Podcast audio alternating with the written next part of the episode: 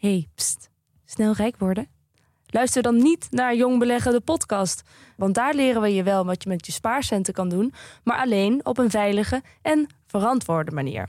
Daar heb je wat aan, op de lange termijn. Ik ben Milou, beginner, en van Pim Ja, ik ben er ook. leer ik alle ins en outs over beleggen. En dat is leuker dan je denkt, zeg ik uit ervaring. En dat we al zo'n 4 miljoen keer beluisterd zijn, is daar wel een beetje het bewijs van. Meedoen? Start ook met luisteren naar Jong Beleggen, de podcast. En nu alvast een gratis tip. Start bij aflevering 1.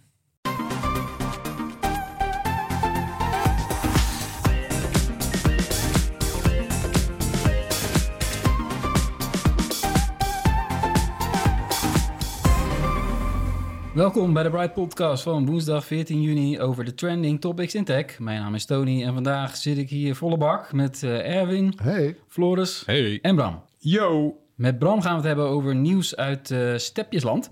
Want de regels over e-stepjes blijven ingewikkeld in Nederland. Erwin die heeft zijn eerste blik eh, op de Vision Pro toch eventjes laten bezinken. Hoe denkt hij er een week later over? Verder veel gedonder bij Reddit, cijfers over het Nederlands podcastgebruik en er is veel nieuws over games. We gaan beginnen. Ja, Bram, we gaan het eh, weer met jou hebben eh, over stepjes. Daarom hebben we weer opgetrommeld. Willen zeggen, dat is jouw ding. Jij bent de stepjes-expert van Nederland. En het is en blijft een ingewikkeld onderwerp. Nederland is nog steeds zo'n beetje het enige land in Europa... waar je niet zomaar met een elektrische step de openbare weg op mag gehaal. Dat is een lang verhaal, maar het komt erop neer dat eh, de RDW nog steeds werkt met hele oude maatstaven ja. Om die stepjes te keuren. Ja, nou het komt er eigenlijk op neer dat heel veel landen in Europa eh, uh, uitzonderingsposities hebben voor zo'n step. Dus dat er een, een step een plek heeft om, eh, om te rijden. En in Duitsland mag je 20 km per uur. In België eh, mag je 25 kilometer. Dus elke Europees land heeft daar zijn eigen regelgeving voor. Nederland heeft er eigenlijk nog niks voor. Wordt aan gewerkt. 2025 wordt nu gezegd dat er een nieuwe richtlijnen komen. Dat was eerst 2022. Ja, dat was eerst ja, dat 2022 als 2021 zelfs. Maar dat is echt een, eh, een dossier waar ook eh, zeer veel onvrede eh, over is. Van alle kanten, van bakfietsfabrikanten tot makers van stepjes. En met name bij de gebruikers van stepjes. De gebruikers die, doen, die steken een kop in zand, zoals ik. En die rijden gewoon op een step. Daar komt het eigenlijk een beetje op neer. Ja. Yep. En, eh, maar ja, goed. eh, eh, hoe meer mensen er op een step rijden, hoe vaker er natuurlijk ook een keer iets mis kan gaan. Dat er een keer een ongeluk kan gebeuren. En ja, daar is dus nu een, een interessante ontwikkeling op geweest. Ja, want de aanleiding is ehm, ja, dat er, en daar heb je ook laatst een video over gemaakt, er is een soort loophole in de wetgeving. En dat heet stepondersteuning. Ja. Wat is dat ook alweer? Want dat mag dan wel. Ja, er is een, een uitzonderingspositie voor de elektrische fiets. Elektrische fiets is in principe een fiets met een motor, dus een gemotoriseerd voertuig. Daar heb je eigenlijk allemaal speciale keuring voor nodig. Maar er is een uitzonderingspositie die zegt... als het een fiets is met trapondersteuning... die maximaal 25 gaat en maximaal 250 eh, watt motor heeft...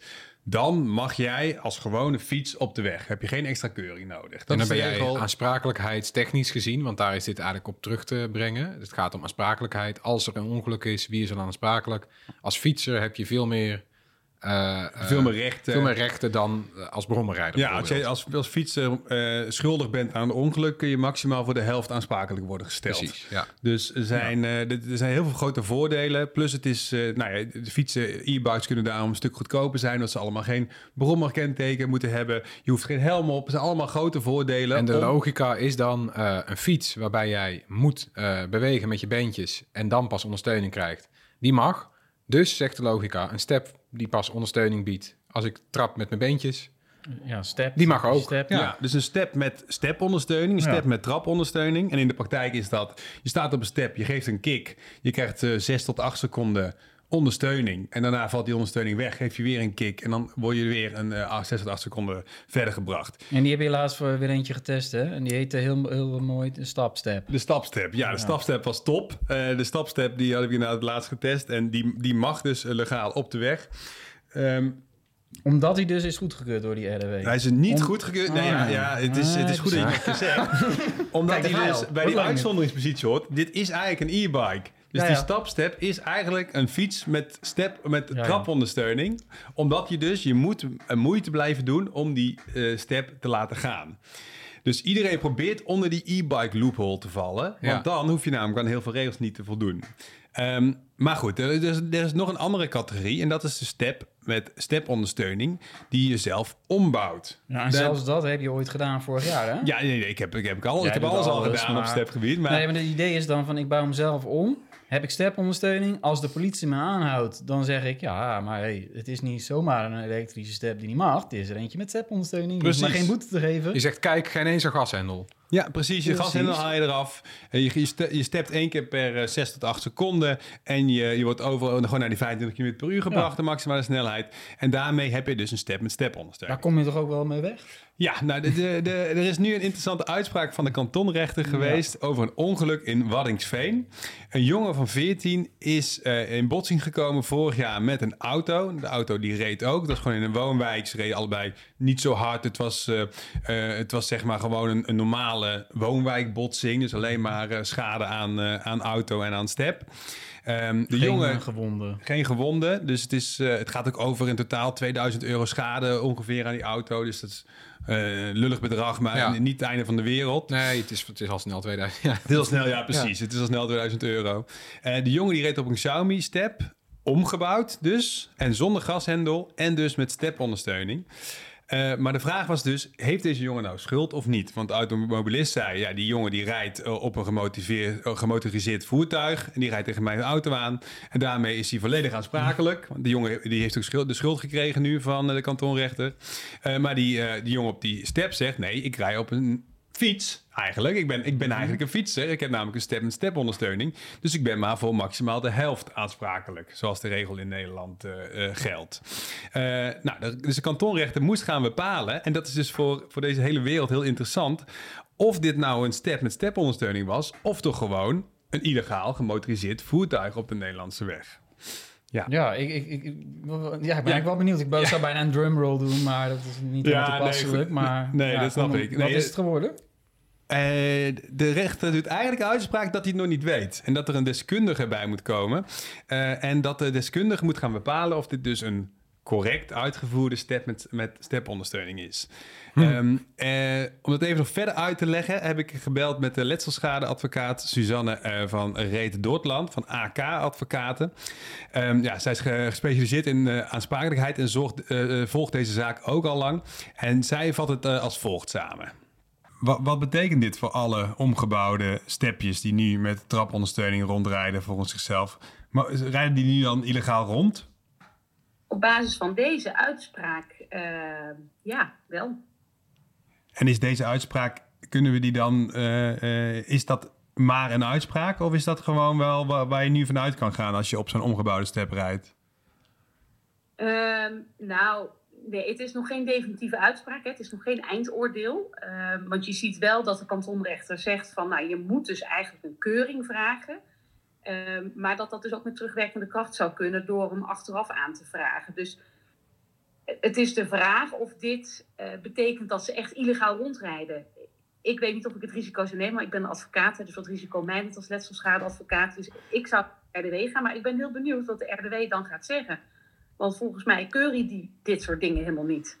In ieder geval nu nog niet. Hè? Misschien straks in het kader van het nieuwe lefkader. Maar nu, ik heb geen idee wat die ervan gaan zeggen als je daar aankomt met je omgebouwde step. Ja, en dit heeft dus wel grote gevolgen, deze ene kleine zaak. eh, omdat er dus in principe iedereen die zijn step omgebouwd heeft... dat zijn er denk ik enkele honderden, misschien een paar duizend eh, in Nederland... die rijdt dus nu in principe gewoon op een illegale step rond... eh, met alle aansprakelijkheidsgevolgen van dien. Ehm, Ja. maar tegelijkertijd is het ook een soort van erkenning voor stepjes... die vanaf de basis al worden omgebouwd tot stepjes met stepondersteuning. Zegt ook eh, Suzanne van Reed Dortland. Ehm, ik denk dat je dat wel kunt lezen in deze uitspraak. Het staat er natuurlijk niet expliciet, omdat deze situatie zich hier niet voordoet. Maar eh, de kantonrechter overweegt wel dat als je de vraagstelling ziet in de verklaring van het ministerie, ehm, dat een stapfiets of, eh, onder, of eh, step met eh, ondersteuning wel onder deze ehm, uitzondering valt. En in deze zaak die hier bij de kantonrechter speelt, ja, was dat dus niet. Dan was het een omgebouwde step. En die valt strikt genomen niet onder die verklaring, want dat was eerst niet een stapstep en daarna wel. De vraag is of je het voertuig kunt, hè, de kwalificatie daarvan kunt veranderen door hem aan te passen. En dus ook de regelgeving aan te passen. Het is een hoop moeilijk gedoe, voor mijn gevoel. Ja. Hè? Wat, een, wat een gedoe. Want als het nou gewoon allemaal zoals in andere landen min of meer gelegaliseerd is. Ja, dat is, eh, wat, wat vooral deze zaak laat zien is over hoe groot, ongelooflijk grote bende het is in Nederland met de regelgeving rondom dit soort voertuigen. Eh, eh, bijna niks mag. De loophole is, eh, is voor sommigen onzeker als je er zelf gaat knutselen. Ik moest ook denken, ja oké, als je nou een niet-elektrische step ombouwt tot elektrische step, mag het dan wel? En als dat ook niet mag, als je dan een Oh ja. fiets ombouwt tot een niet-elektrische... Als je een normale fiets ombouwt tot elektrische fiets. Heel, er zijn heel veel van die kitjes, hè, die kun je gewoon... Hebben we ook wel eens getest. Gewoon wiel- wieltje erin, wieltje eruit en je hebt een elektrische fiets. Oh ja. Mag dat dan ook in één keer niet? Moet je, moet je die ook laten keuren? Gaan we daar allemaal in de fanfare naar eh, de RDW toe... om onze vreemde zelfbouwvoertuigen te laten testen? Wat, wat, wat, wat denkt de RDW hiervan? Ja, het, is, het, het laat gewoon zien wat we... Het, het is echt een bende als het gaat over dit soort voertuigen. Ja, de uitspraak van deze zaak, die komt dus nu... eh, nou, eh, eh, volgende maand moet, is er een, een, een klein gedeelte van de zaak... waarop de mensen moeten, een deskundige moeten aanwijzen. Moet het dan de RDW worden? Een, onafhankelijk, een, een andere onafhankelijke keuring? Bram van Dijk zou ik Bram van Dijk zou ik zeker ja. even opperen. Ehm, maar dan, ja, die deskundige moet onderzoek gaan doen. Nou, dat je zo een half jaar verder, als ik het goed begrijp. Dus begin 2024 wordt de uitspraak van deze zaak waarschijnlijk verwacht. Kan nog een hoger beroep gaan, gaat het naar de civiele rechter. Ja, ja. Dus het, eh, ik weet niet of je de deadline van de, eh, van, van, de, van de nieuwe set aan regelgeving in Nederland, het LEF-kader in 2025. Ik ben benieuwd wie er eerder is, zeg Ik maar. zeg De het wel voor de uitspraak. grap dat ze Bram van Dijk naar de rechtbank moeten sturen als deskundige. Maar eigenlijk, eigenlijk kan dat gewoon. Want jij hebt op zoveel verschillende stepjes gestaan. En jij vindt eigenlijk volgens mij ook het ironische dat die, die stepjes met stepondersteuning... die vind jij toch gevaarlijker dan de normale waar je gas geeft. Ja, in zeker, bochten en zeker. dergelijke, toch? Het is die. eh, het is bizar in Nederland dat de regelgeving zo ingewikkeld is dat stepjes die gevaarlijker zijn in het gebruik, dus die stepjes met stepondersteuning, eh, wel mogen en stepjes die minder gevaarlijk zijn, eh, niet mogen. De normale elektrische Want stepjes. die normale, daar heb je gewoon eh, ja, betere controle over hoe hard je gaat. Ja, moment. die, die stepondersteuning is gewoon een vreemd iets. Eh, Op het moment dat jij een step geeft, krijg je gewoon acht seconden lang volle kracht tot, de, tot, de, tot, tot bijvoorbeeld 25 km per uur. En als jij bij, na een bocht komt en je zit op een, eh, eh, op een normale step met een gashendel, dan laat je altijd even los voor die bocht, om even die bocht goed in te schatten. Bij die stepjes, die stapsteppen, eh achtige stepjes, die, die gaan gewoon door. Dus je moet dan echt actief remmen, dan weer step. Het is een hele vreemde manier van, van, ja, van gas geven, van jouw snelheid bepalen. Alsof je in de auto elke 10 seconden het pedaal in moet trappen en dan maar moet hopen dat je een beetje op snelheid blijft. Ja, dan moet je heel de knopje en dan zeg je knopje tot 100. Dan moet je wachten en moet je weer een knopje tot 100. en dan op een gegeven moment moet je plot, ja, dan moet je weer eigenlijk even gas innemen om iemand toe te, la- te- in te laten voegen. Maar dat Ben je daar moet mee bezig? veel remmen. Dus het is, het is, de het is veiligere stepjes, die mogen niet. nee, de veilige stepjes die mogen niet. En dat duurt dus minstens nog eh, tot va- 2025. Ja, ja en, en stapsteppen, die heb ik ook gesproken. Die werken er wel aan met de knop erop. Dat je alleen maar ondersteuning krijgt als je het wil. En ik bedoel, ze zijn er wel echt mee bezig om ze veiliger te maken. Maar ja, zo, een gashendel is gewoon veel fijner in de, in de besturing. Dus het is allemaal een soort van tussenfase waarin we Ja. zitten. Waarin dit soort vreemde uitspraken zijn en, en vreemde voertuigen. En eh, ja, het laat gewoon zien dat, eh, dat het een bende is in Nederland op het gebied van Ja. eh, En regelgeving. op, op het moment dat ze legaal worden, zal alsnog elke step door de RDW gekeurd moeten worden. Ja, alles wat nu rijdt, ik kan het je op een briefje geven, gaat niet toegestaan zijn, zelfs nadat ze legaal Nee, precies. worden. Dus als je nu luistert en je hebt er eentje, dan denk je, oh, oké, dus binnenkort wel. hoef ik geen zorgen meer te maken Zit om, ik nu om in de schuur? Ja. achter het bosje. Ja. Nee. Oh. Maar dat is dus sowieso nooit zo. Als die nu niet is goedgekeurd, gaat de RDW dat straks ook niet goedkeuren. Dat vermoed ik ook Nee. niet. Dat is een hele kleine kans. Helder. Ja, dan schakelen we over naar eh, Apple-producten. De MacBook Air 15-inch en de Mac Studio. Erwin, daar, daar heb je net een eh, video over gemaakt. Nieuwe gear. Ja, ik was, eh, wat was het? Ik was koud een halve dag thuis. Nee, of was dat nou dezelfde dag al of de dag daarna? Maar toen lag de MacBook Pro, eh, MacBook Pro, de MacBook Air 15 inch al, eh die lag alweer op de mat. Volgens mij was hij eerder dan jij, hè? Die zat gewoon in de vlucht voor jou. Ja, de andere Ja. vliegtuig. Ja, nou ja, maar eh, nou ja, de grap is, ik, ik heb er een hele video over gemaakt, ga die vooral even kijken natuurlijk. Maar eh, wat ik daar niet in noem en wat eigenlijk, ja, wel... Kijk, als je nu, als je een grote Apple laptop zoekt, ja, dan was je nu, hè, was je veroordeeld tot de MacBook Pro 16 inch. Die zware. Ja, die hele dure. En heel duur. Zo. En, eh, met de komst nu van die 15-inch MacBook Pro, die nou, eigenlijk helemaal niet eens zo... eh, het is echt geen loeigroot apparaat of zo, hoor. Ik vind hem, ja, hij is net zo dun en slank en licht als... nou, oké, eh, een fractieswaarde, maar dan die 13-inch. Mhm. het is echt een lekkere, Ja. handzame computer. Het formaat is het wel nieuw voor de R, hè, toch? Ja, ze hebben natuurlijk ooit in het verleden een 11-inch eh, Oh Ja. een MacBook Air gehad. Zo. Zo'n eh, soort, soort envelop bijna, dat, dat formaat. Eh, Nou, dat is echt een kleintje, ja. ja, was heel, ja, ik vond hem heel cute, maar Ja, ja, ik was ook fan van de 12-inch normale MacBook. Wat stiekem Ja, ook gewoon eigenlijk een, 12 een, een MacBook Air was, stiekem. ja, die heb ik ook gehad. Oh ja, die, die, eh, nee, 12 sorry, ik dacht aan die ja. 12 inch. of Nee, wat Powerbook. was? Ja, dat was een Was Powerbook, ja. 12? ja. 13. Nee, die was ook 12. 12. Ja. Maar goed, jij had een MacBook inderdaad. Eh, maar ik denk wel trouwens, ik heb zelf altijd een voorkeur voor, voor eh, zo rond die 13 inch, 12 inch zelfs misschien. Maar eh, ik denk dat die 15 inch Air, die, ja, ik denk toch wel dat die het ook heel goed gaat doen. Ja, dat brengen ze natuurlijk niet ook zomaar op de markt. Zullen ze wel heel erg goed hebben uitgezocht. Nee, maar goed, wat denk jij? Wat, wat, wat zou jij eerder kopen? Een 13 of een 15 inch? Air. Ja, weet je, het, het ligt er maar aan. Ik, er zijn ook een hoop mensen die, eh, die zetten zo'n eh, MacBook op zo'n standaard... en dan met een toetsenbordje erbij. Dan gebruik je hem als je scherm. Ja. Ja, ja, ik kan me heel goed voorstellen dat niet alleen de pro-gebruikers dat doen. Nee, dat doen echt veel mensen. Ja, ja, en dan Oh, heb je geen scherm 15 nodig. Je werkt maar een paar dagen op kantoor. De hybride, hybride werker, die wil dit. Ja. Zou dat wat zijn? Ja, want je wil niet thuis, of je hebt thuis misschien helemaal geen kantoorruimte om te gaan zitten, maar je hebt wel een keukentafel. Je wil wel zonder pijn in je nek werken. Nou, dan is een groter scherm op zo'n standaard. Ja, dat is waar. En je wil niet zo'n display thuis op je keukentafel hebben staan. Ja, en ik heb zelf de Pro en ik, eigenlijk heb ik er spijt van. Ik baal nu eigenlijk dat ik toch niet de R heb. eh, ik heb nu de R voor mijn werk, maar ik heb zelf ooit de Pro gekocht. Twee Oh, jaar zo. geleden. En eigenlijk was dan zo'n 15 inch R misschien beter voor mij geweest. Meer tabbladen, hè? Dat is mijn ding in Chrome. Ja, je hebt eh, even uit mijn hoofd, ik, eh volgens mij, je hebt is 4, 4, 5, 26 procent meer screen estate. Nou, Ja. dat is aanzienlijk, hè? Ja, en de, de geruchten gingen eigenlijk ook al jaren van, of althans de vraag om, die, om zo'n 15-inch goedkopere eh, MacBook was er al jaren. Maar Apple was eigenlijk in de luxe positie dat niet te hoeven te doen. Die, Ja, hebben, die ja. hebben eigenlijk die boot gewoon afgehouden tot nu. eh, eh, we hadden het laatst ook in de podcast, laptopverkoop in is gezakt. Eh, nou, dan kan je hier misschien toch die hele groep die hierop zit te wachten, eh, blij mee maken. Gaat het het prijsverschil met de 13 inch? Ik bedoel, hoe groot is dat? De kloof? Nou, die is nu wat groter geworden, omdat de 13 inch goedkoper is geworden. Grappig genoeg. Ja, wordt het toch weer allemaal Dat moeilijk. slim, hè? Dus de keuze maken ze er niet makkelijker op. Nee. Nee, dus de 15 kost eh, 1600 euro en de 13 inch kost 1300 euro. Maar als je zelf zou kiezen? Ja, ik kies altijd 13 inch. Toch wel. Ja. Toch wel. Alright, oké. Kijk, en dan in die gevallen waar je dan, ja, nou ja, dan, dan zou je dus een extern scherm ook nog kunnen overwegen. Ja. Ja, en ik, en ik zag bij ons op bureau ook alweer zo'n mooie glimmende Mac Studio eh, staan. Daar durf ik dan bijna niet aan te komen zelfs, want dat is niet voor mij. Nee, nou ja, in is- er waren inderdaad drie computers eh, geïntroduceerd. Eh, ook nog de Mac Studio met M2-chips en de, eindelijk de Mac Pro. Lang verwacht, hè? laatste computer die nu ook van Apple Silicon is voorzien. Ehm, ja, die Mac Pro gaan we het niet, niet te veel hebben. Dat is zo'n ding voor professional. En die prijzen Ja. zijn absurd hoog. eh, nou.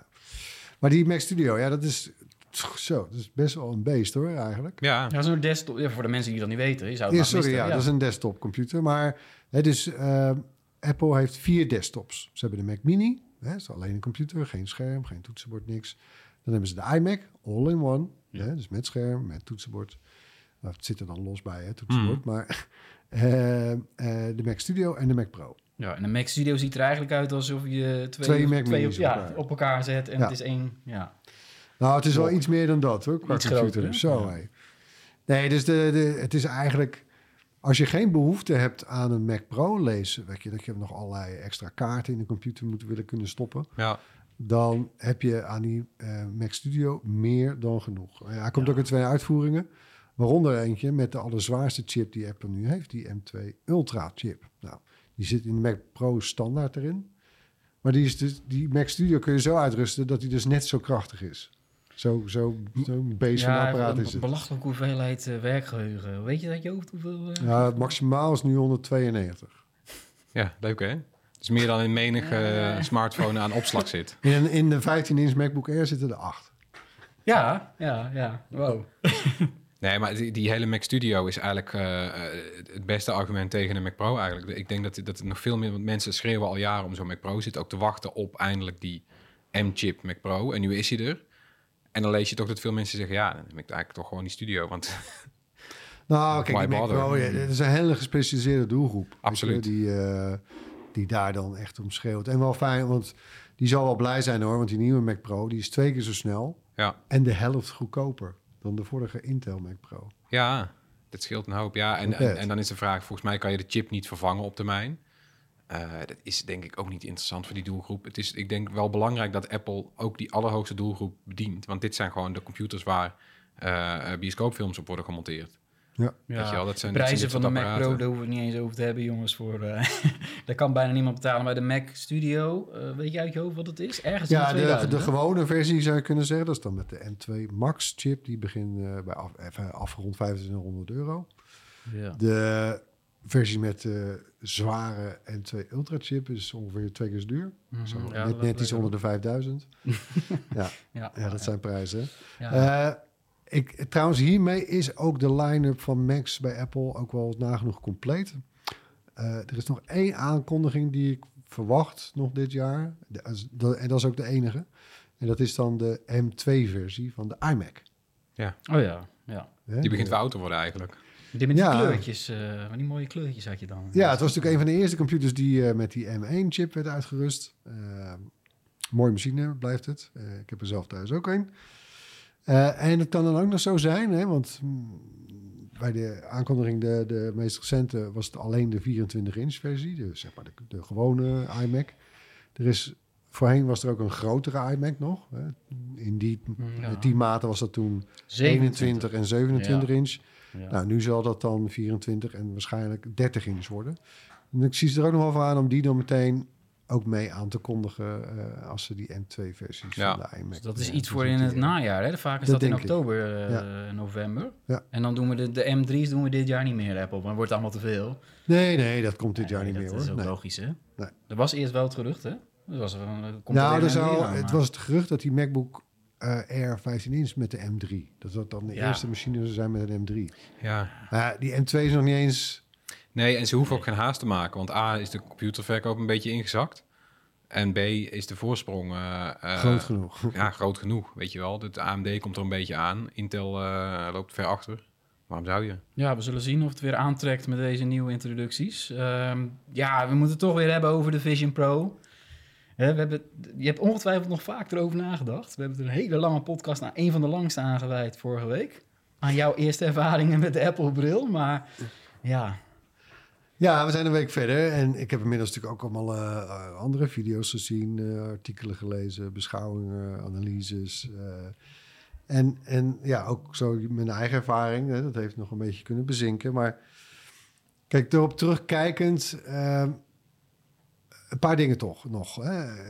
Eén is dat deze eerste Vision, de Vision Pro, die, het is wel goed hij brengt eigenlijk niets wezenlijks nieuw. Het is niet alsof hij een een of andere toepassing laat zien die nog geen enkele andere headset tot nu toe ooit heeft laten zien. Ja. Mhm. Eh, helemaal niet. zelfs. nee, dat klopt. Alleen, en dat is de truc, hij doet alles veel beter. Dus de, de resolutie is beter met 4K. De interface is beter. Met ook eh, gewoon, ja, eh, lees Apple en, Ja. en hun ontwerp. De bediening, met eh, geen controllers, maar met die pinch, met je wijsvinger en je duim. En de eye tracking, die werkt voortreffelijk. De content hè, en ook alle banden die Apple heeft eh, hè, met bijvoorbeeld de film- en televisiewereld, met Disney en met, met, met nou, Ja. noem maar op. Ehm, Ja, de lat is gewoon gigantisch hoog gelegd voor de concurrentie. ja, niet normaal. En ja, executie is echt alles toch in dit verband, merk je.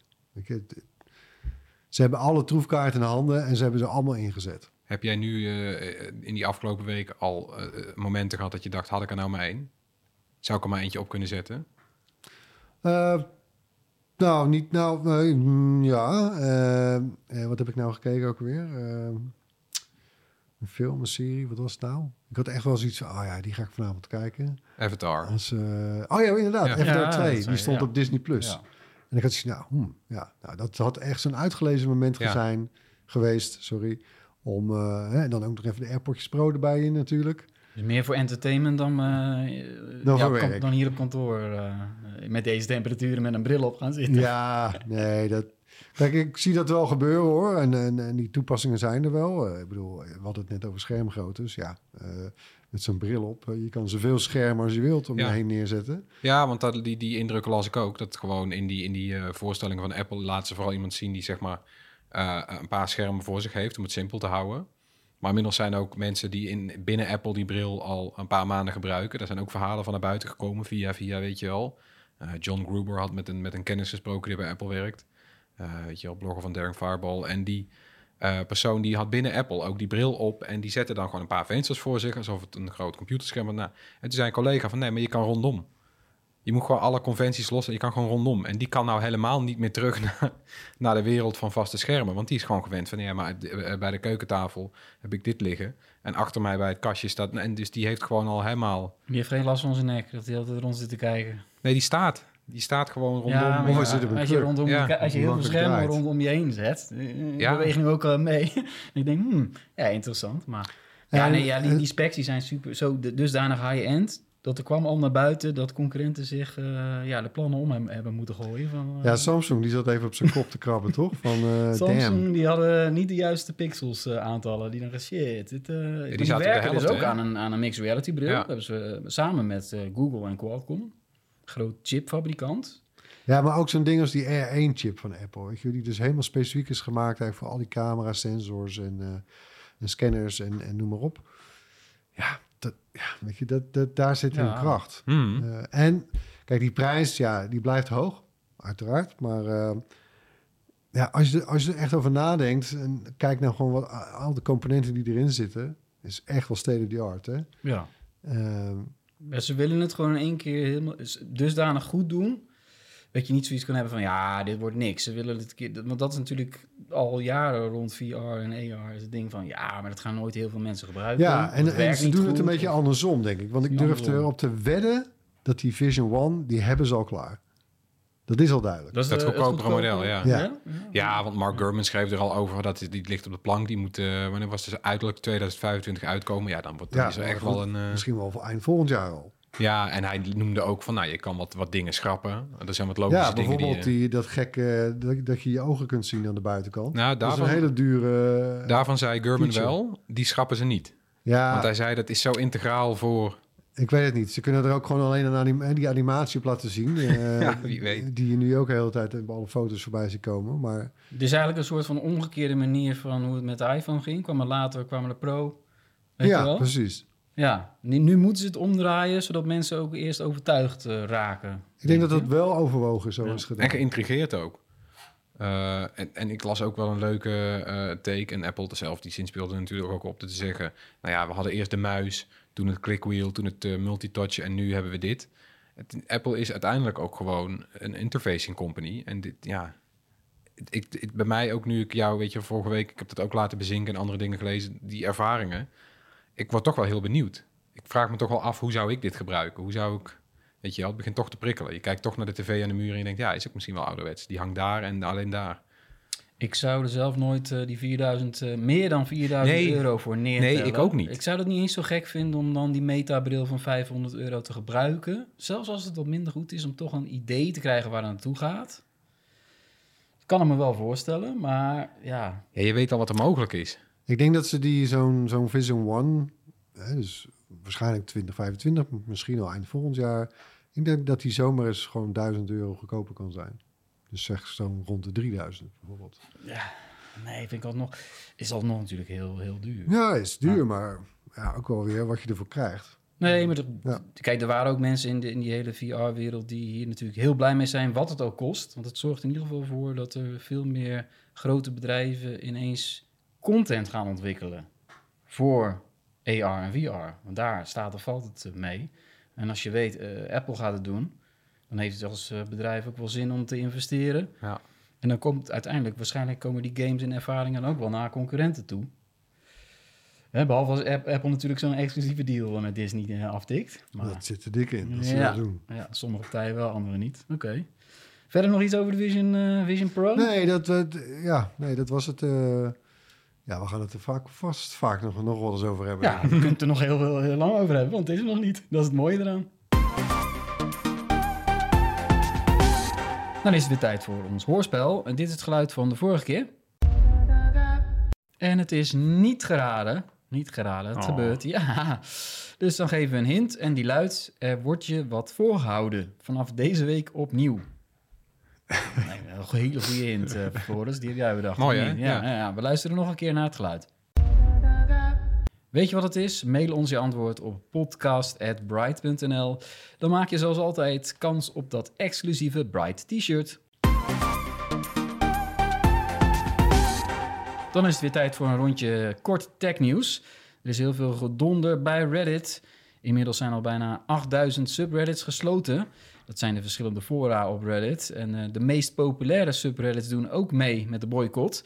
Wat is er aan de hand? De moderatoren van die subreddits die zijn woedend om nieuwe regels. Onder andere omdat er hoge prijzen voor apps van derden eh, ja, worden ingesteld door Reddit. En dat schiet, eh, schiet gebruikers in het verkeerde keelgat. Want dan kunnen de makers van die apps ineens ja, er niet meer van bestaan. Waardoor die apps dreigen te verdwijnen. Omdat ze niet meer gratis bij de data van Reddit mogen. En dan zouden ook ineens miljoenen gebruikers van die externe Reddit-apps moeten betalen. En die zijn echt bij, ja, sommige van die apps werken ook gewoon beter dan de normale Reddit-app. Ja, ja, en zo waren er al voordat Reddit een app had. Ja. Eh, Maar wat voor apps gaat het om dan? Gewoon een soort ja, eh, bijvoorbeeld in beeld brengen van wat er allemaal gebeurt? Een soort uh, tweet deck alleen dan Nou, voor het is- Reddit? ja, een reader. Ja, een reader. Oké. Dus je had allemaal Reddit-readers. Eh, een van de bekendste is Apollo. Werd gewoon gemaakt door één gast. Eh, en het was gewoon een hele fijne app. Zo'n beetje als een iOS-achtige eh, super iPhone app. Eh, helemaal mooi. Met, allemaal, eh, je kon het aanpassen. Je kon lettertypen en thema's aanpassen. Nou, was helemaal fijn. Er zaten ook heel veel toegankelijkheidsfuncties in. En dat is ook een vlak waarop Reddit zelf slecht scoort. Dus heel veel mensen met een beperking die zeggen... ja, als ik niet meer bij die apps kan, dan kan ik niet meer op Reddit. Wat flik je me nou? Dit doet een beetje denken aan het beleid wat eh, Twitter invoerde Ja. met die eh, eh, API's. Dat je ineens eh, developers van apps allemaal dingen niet meer mochten en Ja. ook moeten betalen.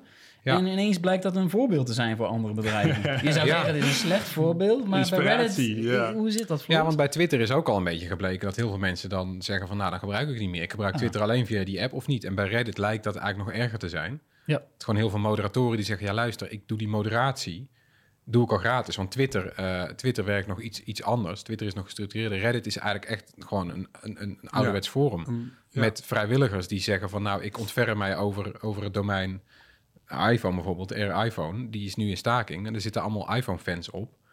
Eh, Nee, maar die doen dat omdat in. ze dat interessant vinden, Ja. omdat ze het leuk vinden. Houden die daar de boel mooi en schoon. Ja, dan moet je die mensen niet eh, gaan dwarsbomen met allerlei eh, nieuwe regeltjes. En het is, het kan nog wel, maar dan moet je er heel veel voor betalen als Ja, ontwikkelaar. Wat is- zoveel. Wat, wat is de, het idee daarachter van Reddit? Meer geld verdienen dus, maar waarom nu ineens dit? AI. AI. Ja, zij, zien, eh, zij, zij, denken dat Reddit eh, een, een soort van schat van informatie voor AI is. Eh, nou, ze Dus de data die er allemaal hebben. geplaatst Oh, wordt. dat ze, Ja. dat ze denken, er komen eh, systemen die gebruiken onze... Onze data. Data, en daar willen wij graag ja. even vervangen. Dat is waarschijnlijk ook wel zo. Ja, maar dan maak je toch... Mensen hebben ook al gezegd, dan maak je toch gewoon een API-tie of een eh, AI-API, zeg maar. Gewoon dan zeg je van, als je het wil gebruiken om AI te trainen, moet je betalen. Als je het wil gebruiken omdat je een persoon bent die een appje wil gebruiken, joh, doe maar. Ja. Dit hadden ze waarschijnlijk zelf niet verwacht. De, dat het eh, een soort van. eh, Nee, maar ze denken dat het, revolte eh, op Reddit zou we, veroorzaken. we- ja, we zijn nu op woensdag. Dit is de laatste dag van de soort van staking, althans vooraf aangekondigd. Het zou maandag, dinsdag, woensdag zouden al die subreddits op zwart gaan. Ja, Reddit zegt, zegt zelf nu, we zitten het wel even uit. We zien wel waar dit eindigt.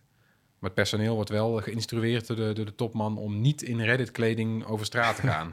De Reddit-pet moet je thuis laten. Ja. Nee, maar er zijn ook hele populaire eh, subreddits die hebben gezegd... we gaan gewoon net zo lang staken tot ze de boel terugdraaien. ja, dus dat wordt interessant. Dat wordt, ja, dat wordt op zich interessant. Het is een populair platform, hè? vergis je niet. Er zitten ook gewoon eh, een paar miljoen Nederlanders gebruiken het. Ja, en wie heeft er meer te even, verliezen? eh, intensief, maar ja. Wie heeft er meer te verliezen? De mensen die gratis uit passie een bijdrage leveren... of, of de mensen die hier geld aan willen Het verdienen? staat of valt bij de gebruikers die dat Ja. platform vullen en die stemmen. En Ja. het kan toch niet zonder die gebruikers? Ik, ik weet niet hoor. De- aan de andere kant zijn die ook altijd wel gevoelige typjes, hoor. Die moderatoren die gratis werk Tuurlijk. verrichten, toch? Het is ook al het type volk wat... eh, nou ja, goed, wat, wat graag eh, heel veel waardering krijgt en eh, Ja. heel erg zichzelf heel belangrijk vindt. Dus Ja, zal, er zal ook wel iets in het midden uit kunnen komen. er is ik. als platform ook niet echt iets zo populair wat erop lijkt. Ze hebben in feite ook geen echte concurrent Nee. die precies hetzelfde doet, hè? Nee. Opvallend. Nou, we gaan het eh, in de gaten houden. Het, eh, de situatie kan zich ineens veranderen. maar Hopelijk eh, ja, binnenkort meer.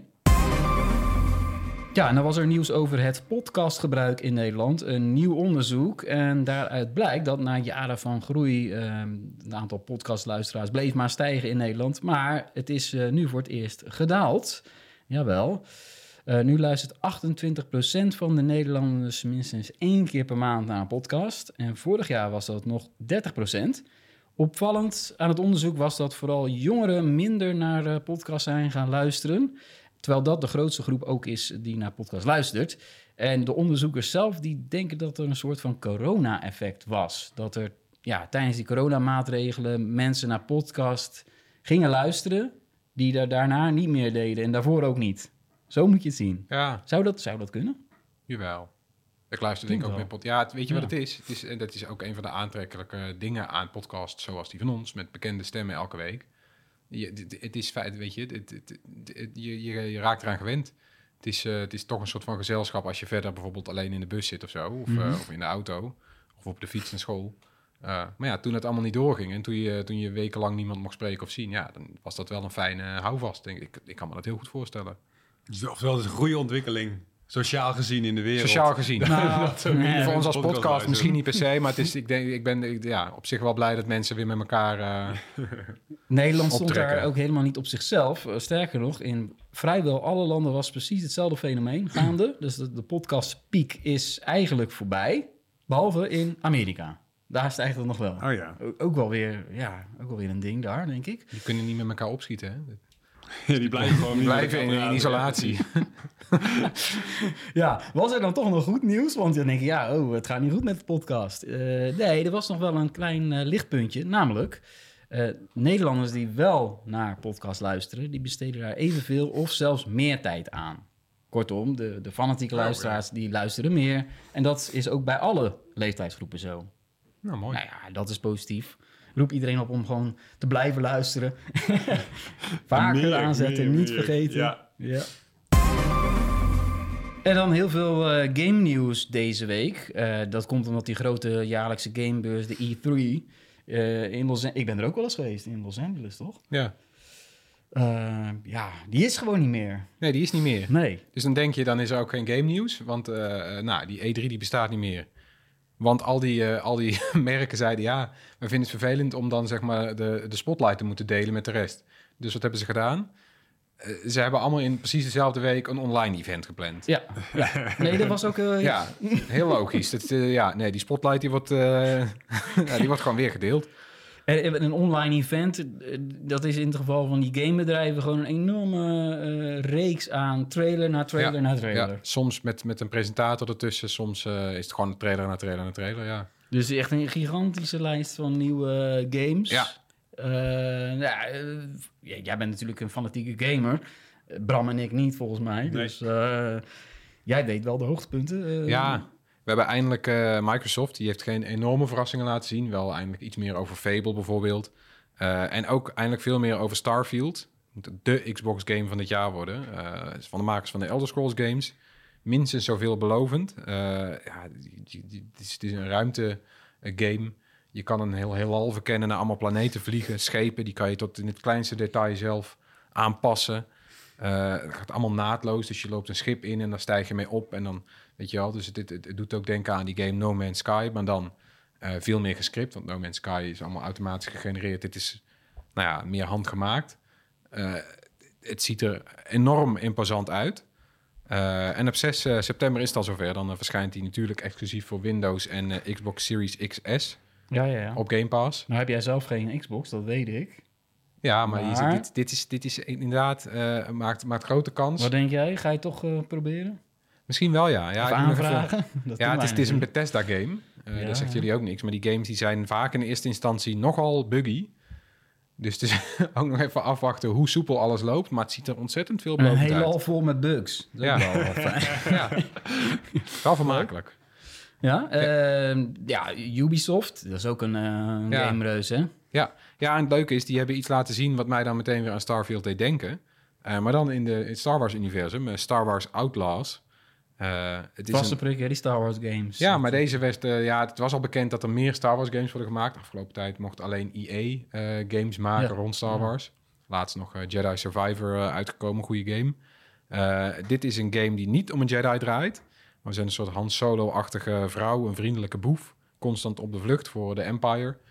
De game speelt zich af tussen film 5 en 6. En eh, ja, het, het is GTA-achtig, omdat je kan ook gewoon eh, voertuigen pakken, dingen overvallen, overal heen gaan. Je kan ook een ruimteschip pakken en ook net als in Starfield bijvoorbeeld, eh, de lucht ingaan, een ruimtegevecht houden in de ruimte en dan hyperspace naar een andere planeet. Ja, dus het is eigenlijk ook leuk voor de niet-Star Wars-fan. Nou is Erwin, voor de, voor de luisteraar, die is nu even weer naar een meeting toe. Belangrijke man, hè? En die is een grote Star Wars-fan. Ja, die zie ik dit wel spelen. Ik heb hem net die trailer laten zien en hij zat toch meteen alweer met grote ogen. toch wel. Ja, toch wel.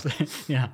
Ja. En eh, die game moet je iets langer op wachten, toch? Eh, Star Wars Outlaws. Ja, nou, hij verschijnt volgend jaar al. Soms moet je jaar Ah, op ja. games wachten. Maar deze is dus eigenlijk voor het eerst getoond pas eh, vorige week. En volgend jaar verschijnt hij al voor de...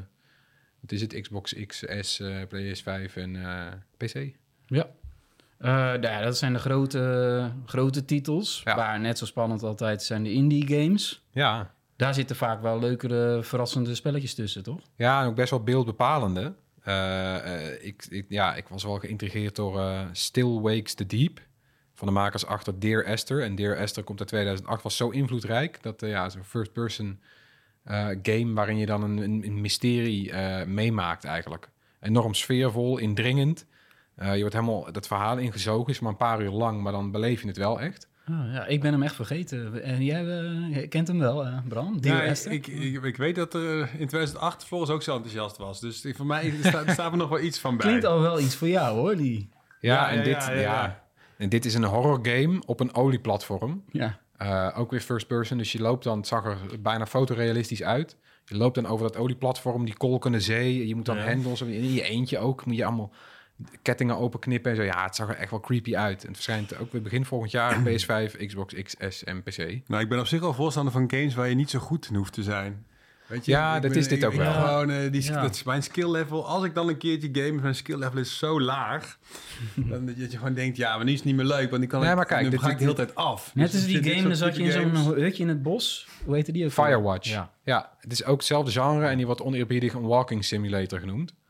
Eh, als je vooruit kan lopen, dan eh, kom je al een heel eind. Nou, dat, dat lukt meestal. Nou, volgens mij is de, de laatste game eh, die Floris dan tipt, die is volgens mij wat meer in jouw eh schuitje. dan. Ja. Oké, nou, ja, die fijn. heet eh Summerhill van de makers van Alto's Adventure. Dat is die snowboard game voor je, voor je smartphone. In Summerhill ben je een schapenherder. Ja. Ja, en dan moet je met je, met je schapenhond, eh, moet je, ja, met je, met je, met je herdershond, met je al die, eh, die schapen. Oh, wat le- lekker, eh, lekker rustgevend, toch? Is Ja. dat de bedoeling ook? Of? Ja, ja, je hebt mooie landschappen. Ja, je moet iets van puzzeltjes oplossen die dan waarschijnlijk bestaan uit van... Nou, eigen drijf, jouw schapen daar naartoe. Ja, rustig aan. Mooie, terwijl er een zonsondergang is en zo. En een Nou, nou, nou- glooiend landschap. Nou weet ik eh, eh, van Jeremy Clarkson, van die serie, dat die schapen best wel lastig kunnen zijn. Ja, dat is Weet waar. je nog? Dat is waar. Clarkson's Farm. die breken het hek af, ja. Dus zo rustgevend is het misschien ook dit, dit zag niet. er vriendelijker uit, maar wie weet. En die game, die, waar komt die eh, naartoe? In ieder geval eh, op Steam voor Windows en macOS. MacOS? Ja, Nou, het is niet zo heel vaak dat, daar, eh, dat die first platform is. Maar hier is eh, macOS. Ik denk ook wel naar smartphones uiteindelijk. Ja, dat denk ik wel. Die de Alto's Adventure, dat waren ook iPhone games, toch? Ja. Ja. Oké, nou... eh, heel veel mooie trailers. Eh, in de show notes eh, zetten we natuurlijk alle relevante links. En ja, houd ook Bright.nl in de gaten. Want als er belangrijk game nieuws is, dan schrijven we daar natuurlijk over. En tot slot weer onze tips. Ja, ik zou nog even terugkomen op The Idol. Te zien op HBO Max. Ik dacht heel dat het op Netflix was trouwens, maar het is gewoon op HBO Max.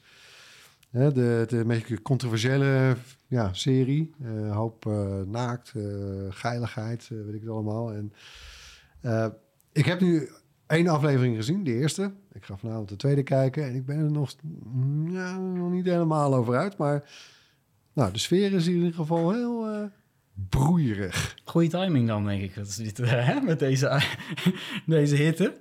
Ja, dat is moeilijk, hè? Eerste aflevering. Dus altijd afwachten hoe het eh, zich uitpakt. We kunnen gewoon elke week jouw update doen hierover. dat is wel leuk een keer, hè? Nee, moet je blijven kijken, ja. Ja, geen recap show, maar een soort eh, announcement. eh. Ja. Eh, Bram, dan gaan we naar jou. Ja, ik ben weer voor de eerste keer sinds lange tijd bij, bij een podcast. Dat je dus gewoon aan het Mhm. wachten bent op de nieuwe week. Dat heb ik eigenlijk nooit meer. Meestal kom ik altijd ergens net te laat achter.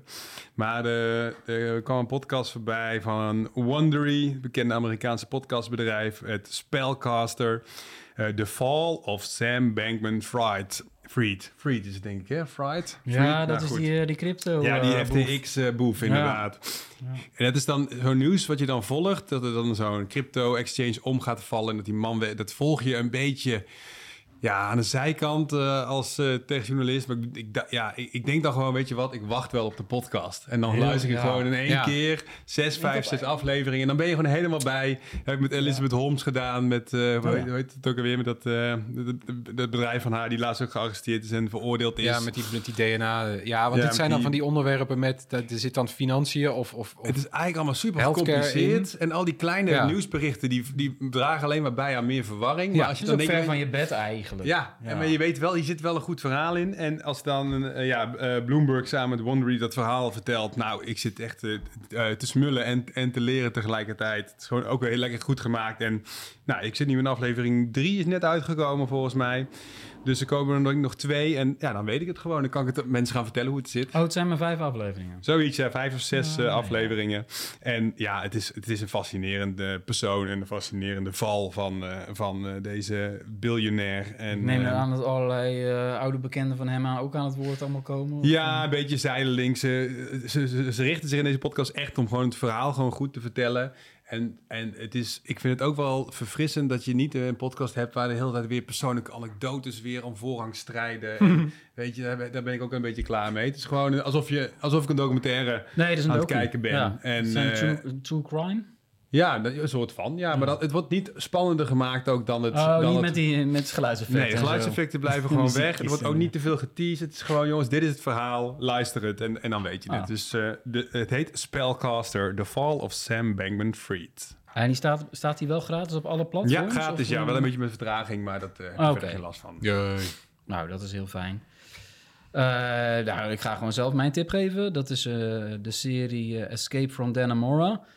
Eh, die staat op Sky Showtime, maar niet zo lang meer. Dus dat is ook mijn tip. Daarom kom ik er nu mee. Het is een serie van eh, vier, vijf jaar geleden. Want eh, je hebt nog vijf dagen om hem te kijken. En Nou. ja, dat geeft Sky Showtime eh, wel netjes aan. Die hebben een apart eh, label daarvoor. Dat doen ook niet alle streamingdiensten. Nee, netjes, dus ja. dat- zo kwam ik er ook op. Toen ben ik snel gaan kijken en dat lukt je ook wel in twee avonden. Zoiets van eh, zeven afleveringen. En die serie de, is een crime-serie. eh, het is het waar gebeurde verhaal van David Sweat en Richard Matt. Die eh, uit de gevangenis in het noorden van de staat eh, New York, daar is het ook heel koud, ontsnappen. Met de hulp van een medewerkster die in het naaiatelier werkt, met wie ze ook een seksuele relatie stiekem hebben. Het is zo bizar dat je denkt, is dit echt allemaal zo gebeurd? ja, ja, ja, absoluut. Ja, dat is ook weer zo'n serie. Eerst kijken en dan pas de Wikipedia lezen. Ja, ja, ja, ja, ja. Niet doen, maar als je dat doet, dan...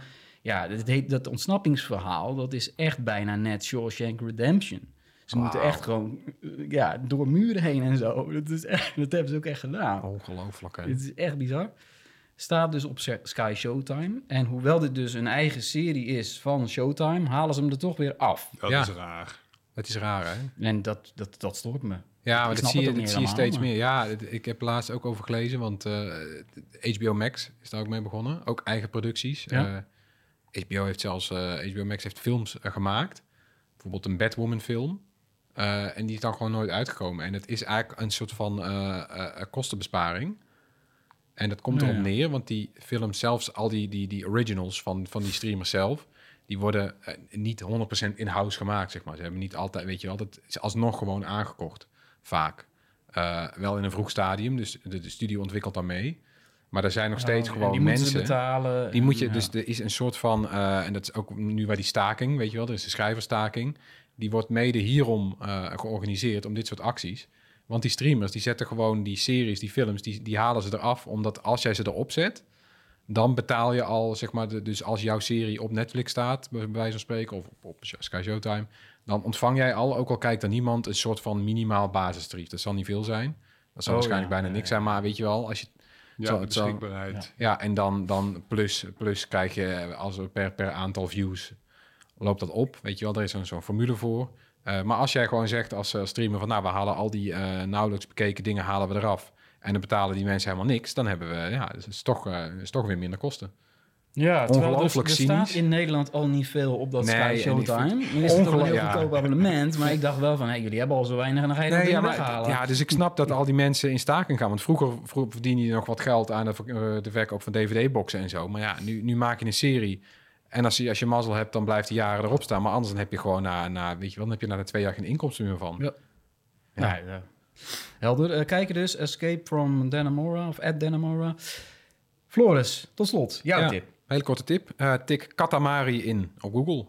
Dat is de, dat is de hele tip. Dat is de hele tip. Ja, tip het, in- tik het in en eh, klik op het bolletje en laat je verbazen. Hele leuke easter egg. Katamari. Zullen we dat nog even in de show notes zetten hoe je dat spelt? Of kun je dat... eh, Ja, Ja, ik zet wel een linkje naar... eh, een soort verrassing. ja, Ik doe het nu, ik doe het nu. Bolletje. Bram. Nee, niks verklappen, Bram. Nee, ik ga niet verklappen, Ja. maar... eh, oh ja. Ik zie nu eh, Bram Oh, met ja. zijn telefoon in de weer. Ja, dat is leuk. Hij is aan het jee. draaien. Oh, oké. leuk hè? Oh ja, alles stuk. Nou. ja, wel, heel apart, heel apart. Nou, leuke tip. Probeer allemaal. Bedankt weer eh, voor het luisteren. Laat gerust iets voor je horen. Mail ons op podcast.bright.nl. Drop ons een DM op een van onze eh, socials. En ja, als je luistert op Apple Podcast of Spotify, laat dan een eh, beoordeling achter. Vijf sterren stel ik zelf voor. ja, het hoeft niet, mag Tip, wel. extra tip van Tony. Vinden we leuk, extra tip. Dankjewel. Tot volgende week. Doei!